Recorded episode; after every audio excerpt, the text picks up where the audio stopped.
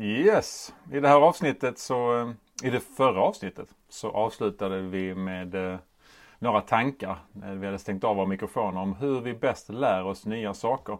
Vad finns det för vägar eller vad finns det för genvägar?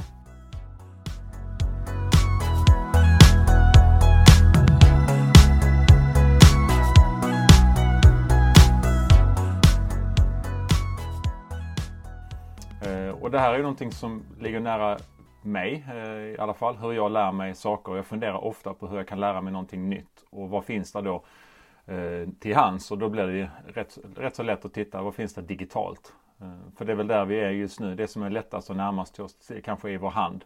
Eller på internet.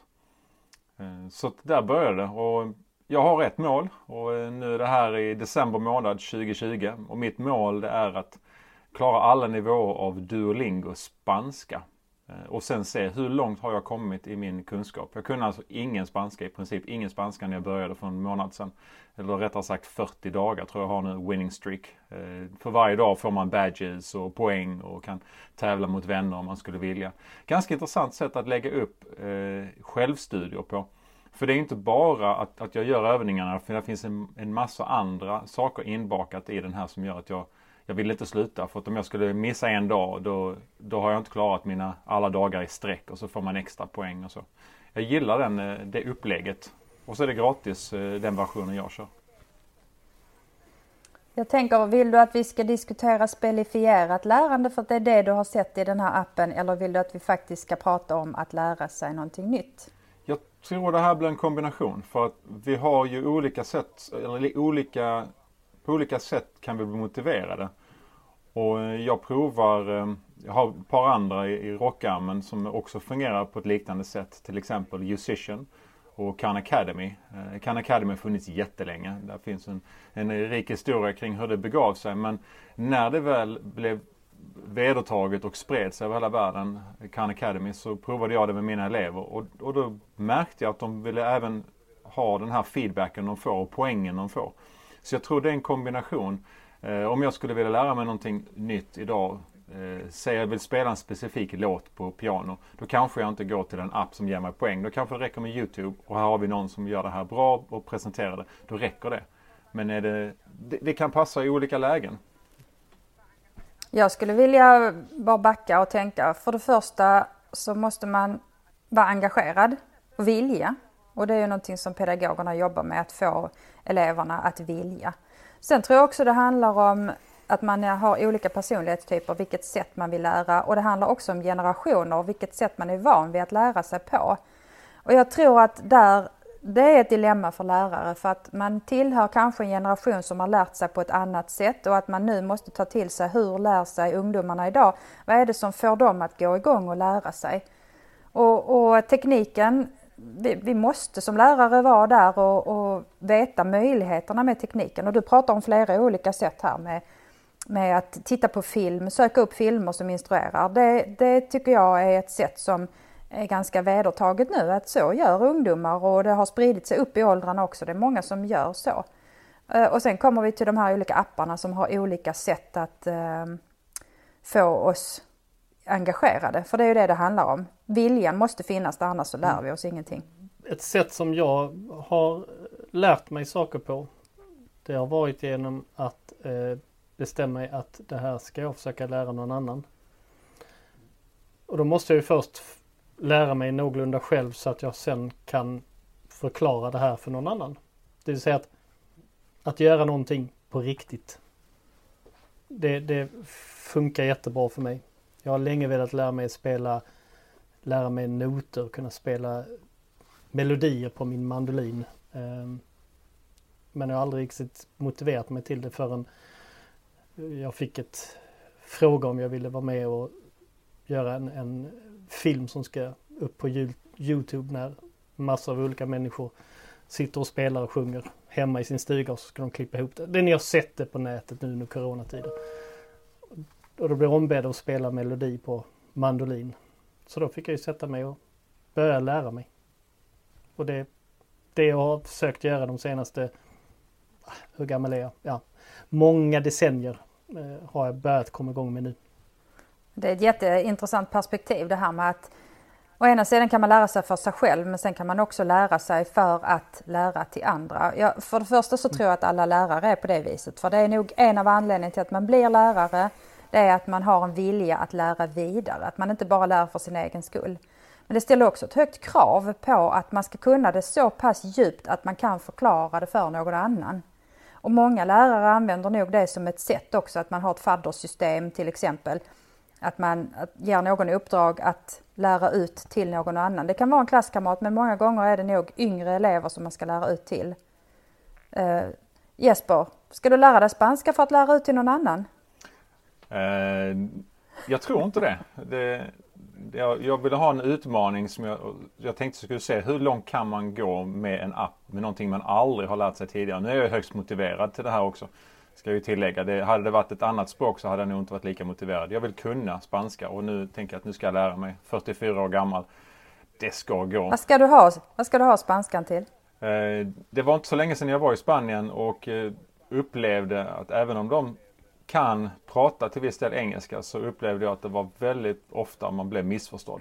Och jag blev väldigt frustrerad av det. Så jag tänkte, ja, istället för att jag blir frustrerad av att de inte kan engelska så bra så ska jag ta och lära mig spanska. Men du har egentligen två argument här för att lära dig spanska.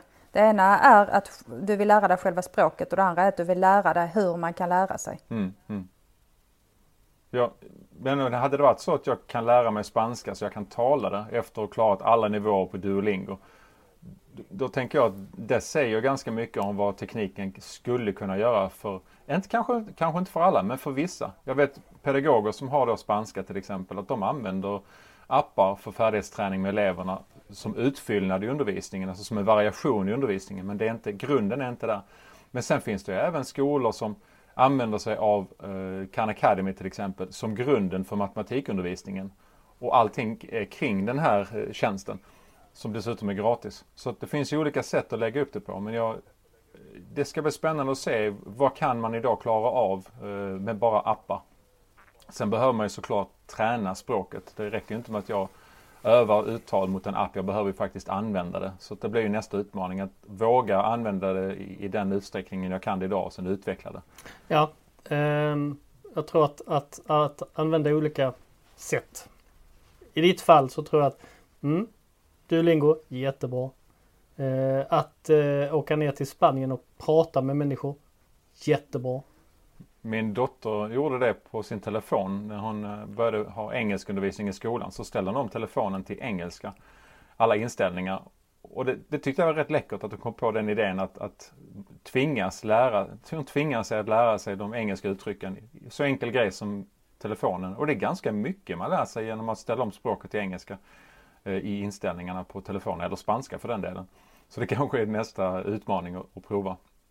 Men det, eh, Anneli, du nämnde där tidigare om gamification och det är också jätteintressant hur jag blir extra motiverad av att behålla mina poäng och att utvecklas och få konstant feedback i, i just Duolingo. Men sen också har jag då gjort ett avsnitt för länge sen så måste jag återgå till den för att har jag klarat fem nivåer av ett visst avsnitt så kommer jag falla tillbaka om jag inte eh, repeterar. Så den har också en inbyggd funktion att repetera. Och det är också en viktig funktion i, vårt inlär, i vår inlärning att repetera. Och som Hannes sa, att lära ut. Och det fick mig att tänka på en annan grej när du sa just lära ut Hannes. Det är att om elever eh, skapar, är medskapare till innehållet till eleverna i klassen. Eller till det, det, vi jobbar med just nu i, i ett visst ämne kan vara så att innehållet vi skapar ska vara till de eleverna jag har nästa år. Så att de bidrar till informationen, innehållet, eh, om, det, om det kan vara animationer eller det är en video, det kan vara en instruktion. Det kan vara på många olika sätt men att elever har bidragit till innehållet kan också vara ett sätt att få, få dem mer eh, involverade men också mer engagerade. Och när man lär ut så har, lär man sig på djupet. Det har, har jag också erfarenhet av. När jag ska lära mig någonting så är det lättare att ha ett mål att det här ska jag lära ut. Om det är någon, någon, någonting specifikt som jag ska lära ut. Då är det viktigt att jag också lär mig det. Så vilken guldgruva. Här har jag som lärare, det här ska ni lära er. Och så hjälper jag dem. Och sen så får de som uppgift att, ja, utifrån liksom hur ni nu lärde er det här. Skulle ni kunna göra någon form av instruktionsfilm, text eller sånt där som ni skulle kunna eh, lägga i den här tidskapseln så att de eleverna som kommer ska lära sig det nästa gång kan ta del av bra, jättebra tänk. Jo men Khan Academy, när man skapat ett konto där så eh, gör man, om det nu är matematik man vill lära sig, för det finns flera spår. Det finns på svenska idag också. Så att om man skapar ett konto på Khan Academy så finns det dels möjligheten att lägga till en lärare så att jag som mattelärare kan ha mina elever i Khan Academy. Och sen så gör man ett slags diagnostiskt test för att se vilken nivå befinner jag mig på. Och utifrån det så får man uppgifter som passar den nivån där man befinner sig. Och sen är det som, ett, om man tittar just på matematik där, där jag började använda Khan Academy. Så är det som ett binärt träd. Så att det grundläggande, absolut mest grundläggande så är det sifferpositioneringen, alltså 1 till 10 och, och den ordningen ända till universitetsstudier i matematik. Så du kan hoppa in när som och fördjupa dig i matematik. Och, och där i det så har de filmer och uppgifter och självstudier. Men du kan också kombinera det med att jobba tillsammans med andra. Du räknar på papper men du skriver ner ditt svar på Khan Academy. Och är det någonting du fastnar på så är, är programmet format på det sättet så att den hittar var luckan är för att kunna förstå det du håller på med just nu. Så har man en svårighet i en viss uppgift så kan man se vad är det jag har missat? Vad är det jag behöver fördjupa mig först innan jag kan gå, klara nästa nivå eller nästa uppgift i, i det här binära trädet. Och som lärare kan man se var eleverna lägger mest krut, energi, vilken typ av uppgifter och vad de eventuellt har problem eller till och med undviker. Jag tänker att du, du pratar om en tjänst som inte är vitlistad än, ska vi bara påtala. Eh, man får be om att få den vitlistad och det handlar ju om att man, att man har konto på den och den verkar ju då, jag har inte använt KAN på det viset, så att, men den verkar ju ändå spara lite grann i vilken nivå man är på.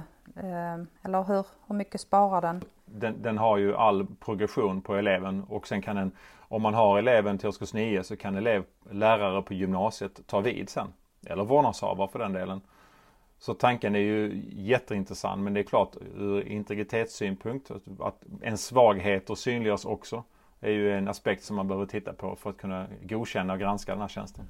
Ja och då sitter jag och tänker på det här med att gå vidare i progression. Att det forskas ju just nu i Lund på, eh, på jag vet inte vad avdelningen heter, men, men kring kognition. Eh, hur kan man ta fram, jag vet inte om jag ska kalla det spel, men någon lärandeplattform som där eleverna kan gå vidare beroende på sin kunskap, vad de faktiskt har lärt sig. Vektor är, en, eh, tror jag, en sådan där man gör uppgifter och man får inte gå vidare förrän man liksom har visat att man kan då, att man får repetera på den nivån där man är. Om det, det är inte helt lätt att ta fram sådana här tjänster Eh, och sen är det hur mycket de här tjänsterna gör för eleverna. Det håller på att forskas kring detta nu och tas fram mer sådana här kognitions... Inte spel, kognitionsspel som ger ett lärande. Det, det, är ju intressant när man tittar på appar för färdighetsträning. Mm.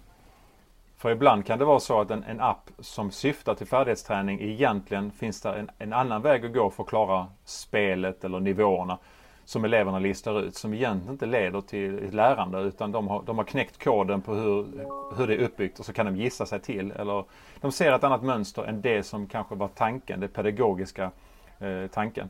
Och när vi får det uppdraget att granska appar så det, försöker jag med det ögat se är det, vad är det egentligen den här appen gör? Vad är det, för, vad är det den tränar? Och kommer den att, att Kommer det vara det utfallet vi får sen? Den här learning outcome som man pratar engelska? Och jag måste beundra de här eleverna som knäcker koden. De kommer ju gå långt i arbetslivet också tänker jag, för att de tänker ju utanför själva uppgiften. Hur kan jag lösa detta på ett sätt som går snabbare och bättre? Så att de, det är ju inte, många lärare blir ju arga men man måste ändå beundra eleverna som har den uppfinningsförmågan och mm. tankesättet att... Hannes, du var inne på tidigare att det är individuellt. Eh, det kan vara individuellt hur du lär dig. Så att för min del kanske en viss app syftar till att lära mig någonting men för någon annan så krävs det kanske en annan typ av inlärning. För vi har, vi har olika inlärningsstilar om man nu vill. Så att ja, där finns nog inte ett, ett recept för, när jag nämnde Khan Academy så först när jag såg den så tänkte jag att det här är svaret på hur jag möter eleverna som har kommit långt i matematik. Och att de kan själva ta sig fram.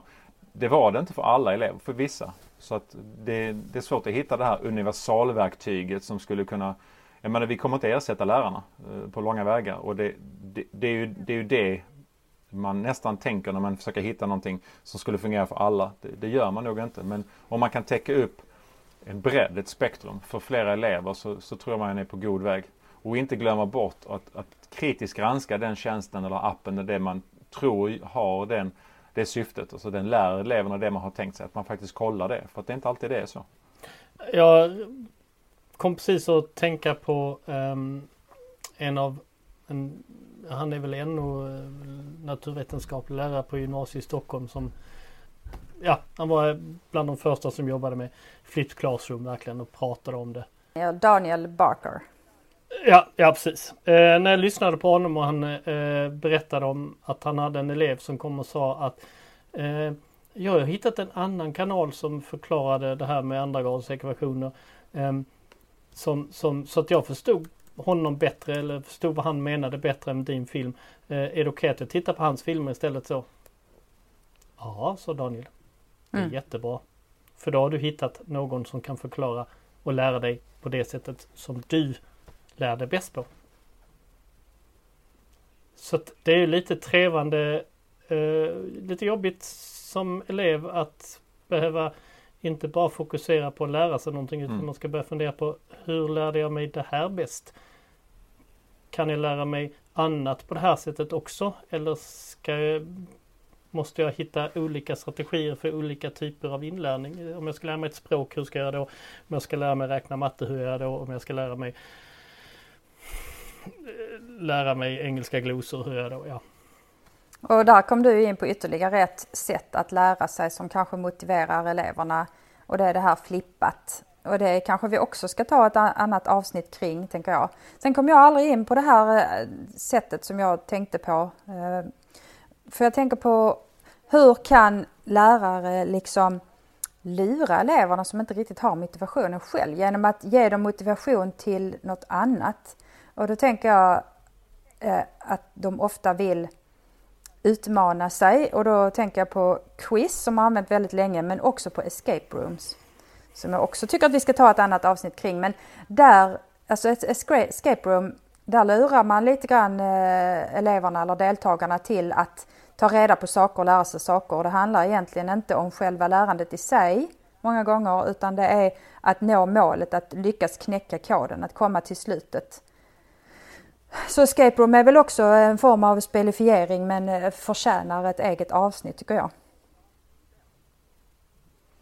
Om vi nu är lite grann i utkanten av det här med lärandet ehm, så är det ju viktigt att eleven tror att den kan lära sig. För att om eleven alltid får veta att den är dålig och kass och inte kan ehm, så kommer den heller aldrig kunna någonting. Eh, och där kan man ju som pedagog lura eleven genom att eh, kanske ta reda på är det någonting den här eleven kan. Den här eleven är jätteduktig på teknisk sak till exempel. Så att man säger att oh, ja, nu, nu strular min dator så är det någon som det verkar låsa så kan någon hjälpa mig. Att den eleven då får gå fram, lösa ett problem och få veta att det här var jag bra på. Det kan öppna upp för annat lärande. Ta bort en spärr. Jätteviktigt. Ja, eh, jag tyckte det var en jättebra avslutning.